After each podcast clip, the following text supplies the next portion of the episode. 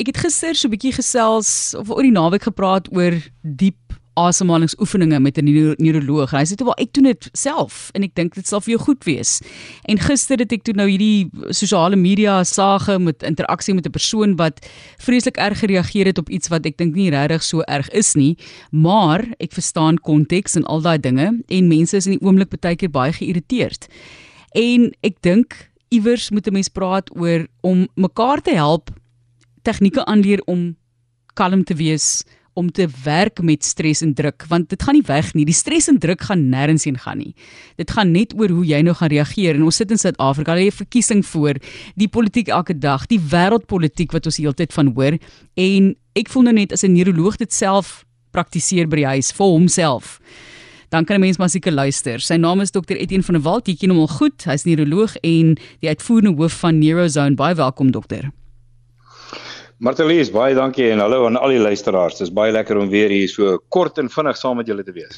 Nou kyk, ek weet dit is onortodoks om oor 'n dokter se privaat aktiwiteite te praat. So jy is eintlik mos nou maar 'n dokter wat praat oor sake, maar die feit dat jy dit self beoefen, hoekom doen jy self diep asemhalingsoefeninge?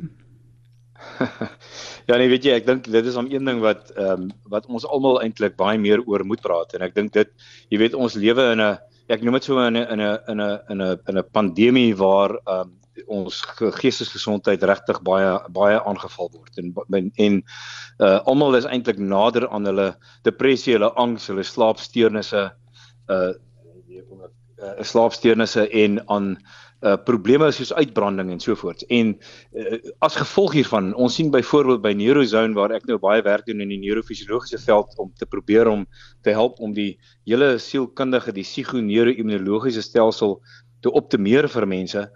Uh sien ons 'n geweldige vir weet um, hoe risiko vandag meer is in die verlede uh om vir mense om hierdie probleme te ontwikkel. Nou so ons uh, ons ons ons kyk na verskillende maniere uh, om hierdie probleem die hoof te bied. En natuurlik moet jy altyd gaan vir wat is die maklikste en wat is goedkoop wat is verniet wat is gratis. En niks is so gratis soos die lig uh, daar buite vir ons nie. Uh, en daarom is hierdie asemhaling vir ons ook so 'n belangrike komponent van dit wat ons moet gesond hou.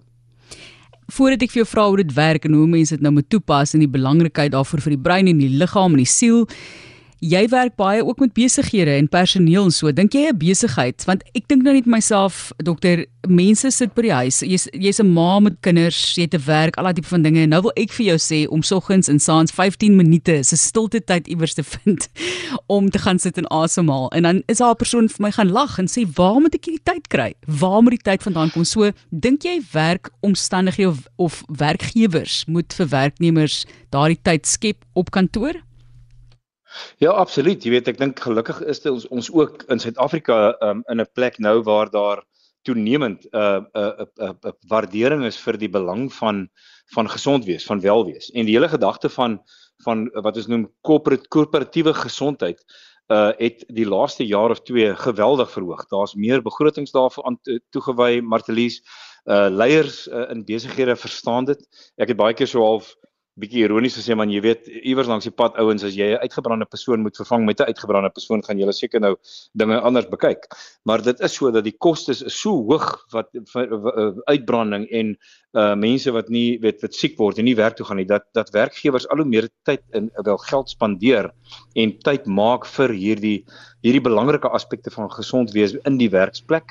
Uh en daarom yes jy moet jou diep asemhalingsoefeninge byvoorbeeld moet daar moet plek wees daarvoor dan dis selfs beter is daar fisiese omgewings geskep is ons noem dit in Engels pods nê of areas waar mense letterlik kan gaan sit en vinnig diep asemhaal. Maar daar's niks wat jou keer om dit te doen by by jou lesenaar jy weet. Ek doen dit met my lesenaar ek doen dit in die oggend as ek wakker word ek doen dit by die werk en by die huis uh, en dit is nie iets wat soveel van jou tyd vat nie so uh, baie belangrike ding wat ons almal eintlik behoort aan te leer vir ons gesondheid Ek weet dis hier die regte plekjie, maar ek het dit gister gedoen terwyl ek in die verkeer sit.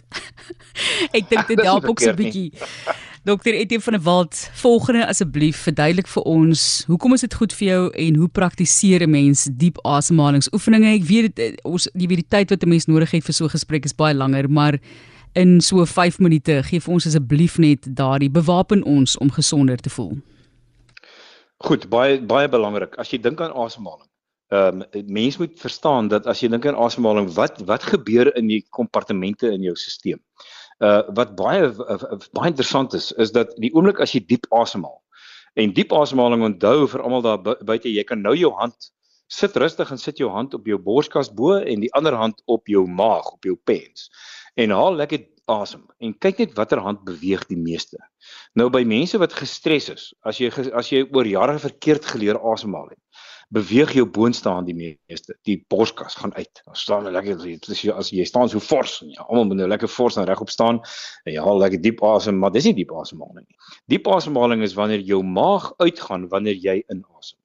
So die die onderste hand moet meer beweeg as die boonste hand. Dit beteken dat jou diafragma letterlik die die afstoot en dan die maag uitdruk.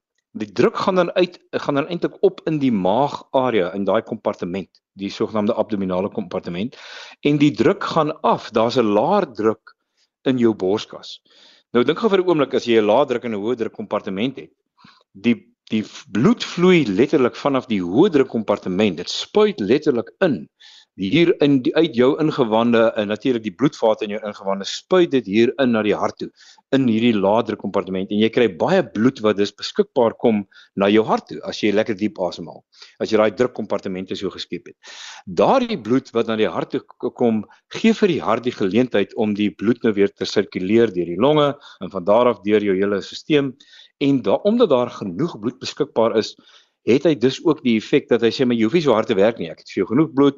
Uh dit natuurlik voor veronderstel dat jou hart gesond is en dit kan hanteer. Uh en dan het jy eintlik in die wese daarvan uh die gevolg van 'n verlaagde bloeddruk en 'n verstadigde hartklop. Nou hierdie is krities vir die hele stelsel om tot rus te kom. 'n sogenaamde fisiologiese staat wat ontspanne is, sogenaamde parasimpatiese staat. Maar daar's meer as net dit. So die eerste ding is net die druk wat jy eintlik net verander as jy lekker diep asemhaal. Jy moet bietjie dink, dink gou bietjie aan 'n baba. Ag, dit is altyd so interessant. Dink gou aan 'n baba wat daar lê en asemhaal. Kyk 'n bietjie wat gaan uit as hulle asemhaal. Dit lyk so half heel abnormaal, nê. Nee. Daai maagie gaan uit terwyl hulle inasem. Lyk so al vreemd.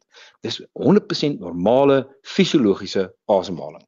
Ons moet asemhaal en dat die maag uitstoot as jy asemhaal. Dis lekker diep asemhaling en dit natuurlik sit dan die kompartementdrukke reg. Dit bring daai bloed na die hart toe. Uh maar daar's meer as dit ook. Jy moet ook natuurlik die lug inkry deur 'n spesifieke plek en dit is die neus. So as jy inasem, probeer deur jou neus inasem en uitasem deur die mond.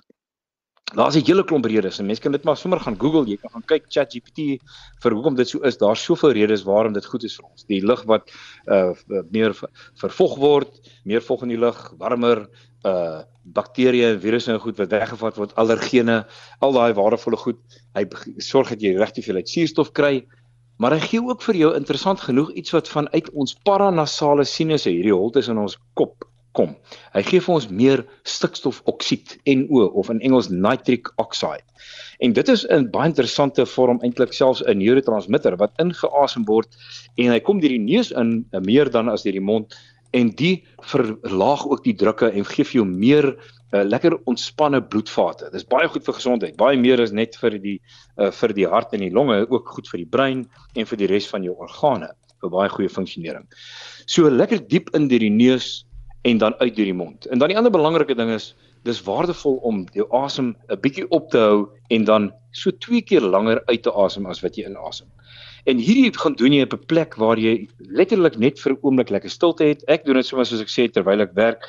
As ek dink daaraan, doen ek diep asemhaling. Ons stel voor wanneer jy ook al dink aan asemhaling, oefen jou diep asemhaling. In die oggend vroeg as jy wakker word, doen dit vir 'n periode van so omtrent 5 minute. Uh dis 'n wonderlike manier om jou fisiologiese asemhaling reg te kry. Dit verskerp ook jou brein en dit help ook vir beter probleemoplossingsvaardighede.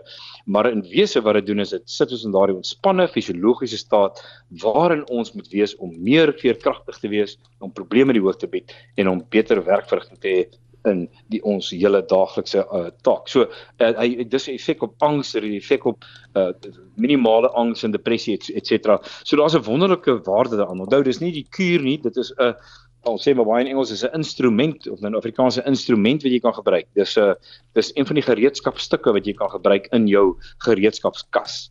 Uh, maar daar's baie meer nodig as dit, Martlies. Ek noem dit swaar vir hanteringsmeganisme van 'n oomblik of van stresvolle tye. Dit dit help jou net daar, maar dit help jou ook om dit te hanteer, maar jy het vergeet Volgens die Harvard mediese Harvard artikel wat jy gestuur het vir my dokter, moet 'n mens blykbaar iets sê Wat sê jy? Moet ek sê soos ek is kalm, alles is oukei okay, of het 'n mens nie nodig om iets te sê nie?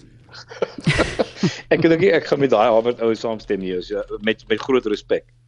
Uh ek dink die mense hoef noodwendig iets jy gaan nie soveel verloor as jy nie iets sê nie Martelies. Okay. Maar dit help natuurlik vir 'n mens om jou asemhaling om langer uit te asem as jy iets sê.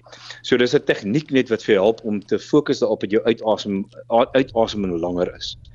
As jy uitasem, um, jou jou uitaseming moet 'n lekker lang uitasem wees uh, teenoor die inasem en ek dink dis die belangrikste punt wat ons het. Ons sê baie dankie, ewig dankbaar. Gaan probeer dit net vinnig. Ek weet ek was hierdie hele tyd net vinnig. Dokter, is hierdie vir vroue en vir sissies en vir swak mense? Net vir hulle. Hierdie is vir almal en dit is vir almal in die wêreld, dis vir elke mens. As dit vir 'n baba is, dan is dit vir jou en vir my vir die res van ons lewens. Wat baie belangrik is is dat ons sien al hoe meer dat verleiers en mense met hoë werkverrigting het, mense met hoë in hoë prestasie omgewings is, beoefen dit al hoe meer. En ek gaan sommer gou 'n vinnige voorbeeld noem vir die van julle wat so 'n bietjie rugby kyk en soos ek nou wat 'n groot fanatikus is van rugby. As jy kyk na die sewe rugby span byvoorbeeld, die halftyd, dan staan hulle almal hulle doen so 'n bietjie asemhalingsoefeninge. Hulle maak hulle oë toe, hulle staan in 'n kring en hulle haal asem. Ek kyk baie keer en ek dink genade, julle haal nie diep asem nie, want die maag gaan nie uit nie. Maar die punt is hulle beoefen 'n asemhalingstegniek om hulle self in daardie hoë werkverrigtingsgereedheids plek te kry. Dit is vir almal bedoel en vir en niemand is uitgesluit nie, dis die goeie nuus. Sê baie baie dankie vir hierdie waardevolle inligting en ek het gister daaroor begin praat op sosiale media. Daar's so baie mense wat van gesê het van hoeveel waarde hierdie diep asemhalingsoefening vir hulle is. Party mense wat sê hulle bring pilates daarbey. Dit dan Dr Etienne van der Walt, die uitvoerende hoof van Neurozone self 'n neuroloog. Baie dankie vir die inligting.